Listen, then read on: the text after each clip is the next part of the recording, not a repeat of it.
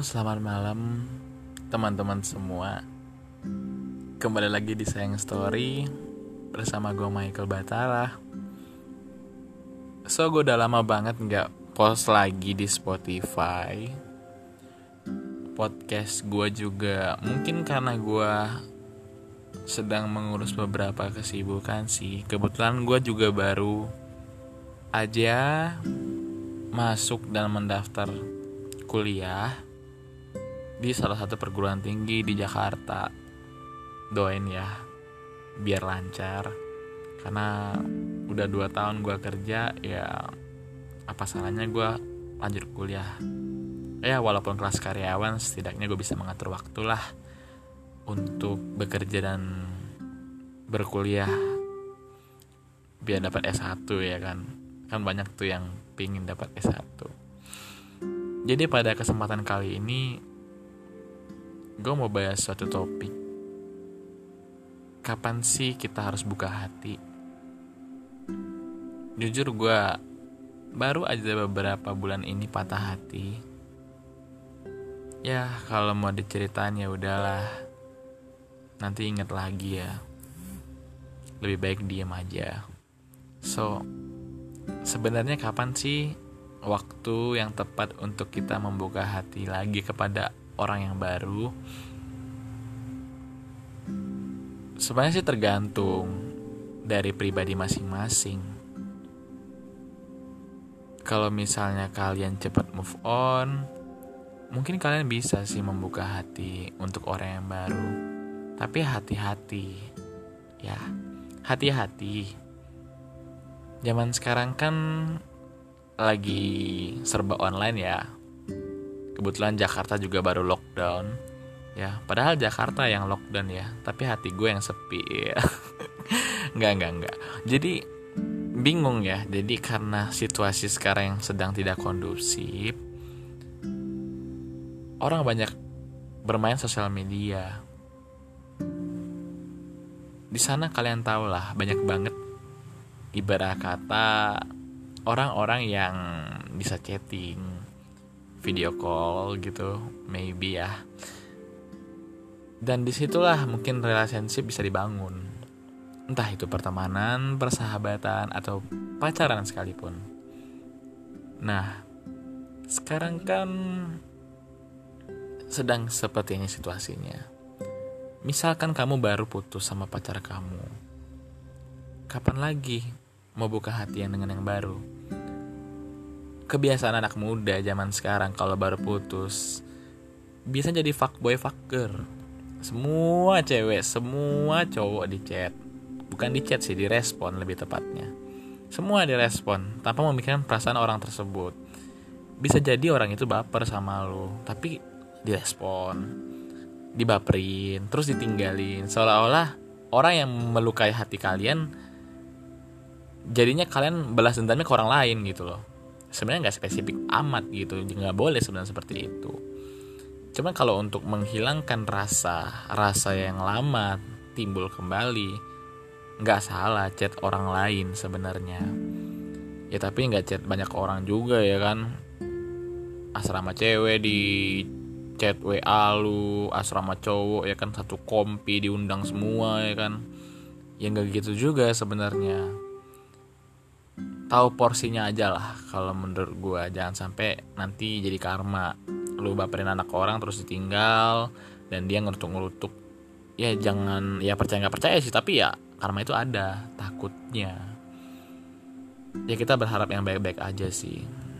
So kapan harus buka hati nih? Ini kembali ke topik nih. Kapan kita harus buka hati? Kapan kalian move on? Dan kalian jangan sampai salah langkah lagi.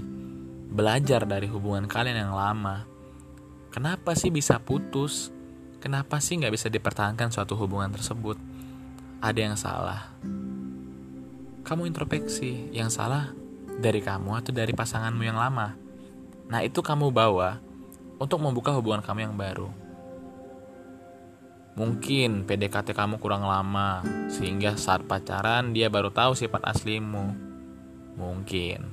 Atau mungkin kalian tidak cocok secara sifat bisa jadi. Nah itu dicari info-info terkininya dari masa lalu kalian yang lama itu ibarat kata pelajarannya lah seperti apa.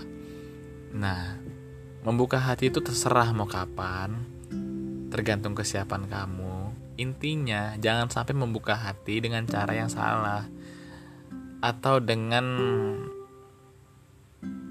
bahasa apa ya kalau bisa dibilang ya. Kayak jatuh di lubang yang sama. Percuma kamu buka hati yang baru tapi yang kamu buka hati yang baru tuh sama aja orangnya ya. Ya buat apa?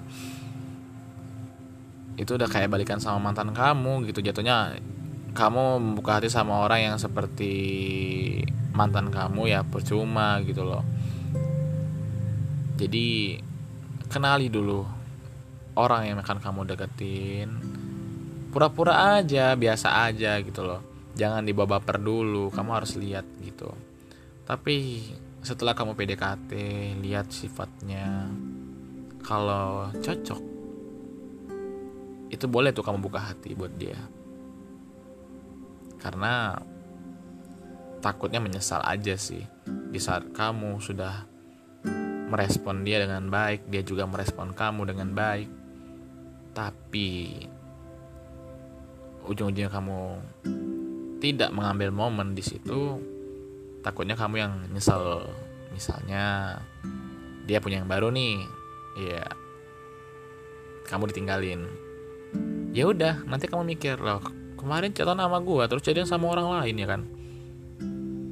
Apa salah gue gitu loh takutnya seperti itu terjadi tapi kalau kamu bisa mengambil kesempatan dan sikap kamu secara dewasa dalam menghadapi hubungan bisa jadi kamu bisa mengambil momen yang tepat untuk membuka hati. Karena membuka hati itu memang gak gampang. Orang tidak mau membuka hati satu karena sakit hati banget dengan mantan, dengan mantannya. Kedua, dia belum siap untuk membuka hati karena ada luka lama yang dia nggak bisa hilangkan. Jadi trauma jatuhnya. Itu, dia trauma. Terkadang juga dia nggak mau buka hati karena belum nemuin orang yang pas.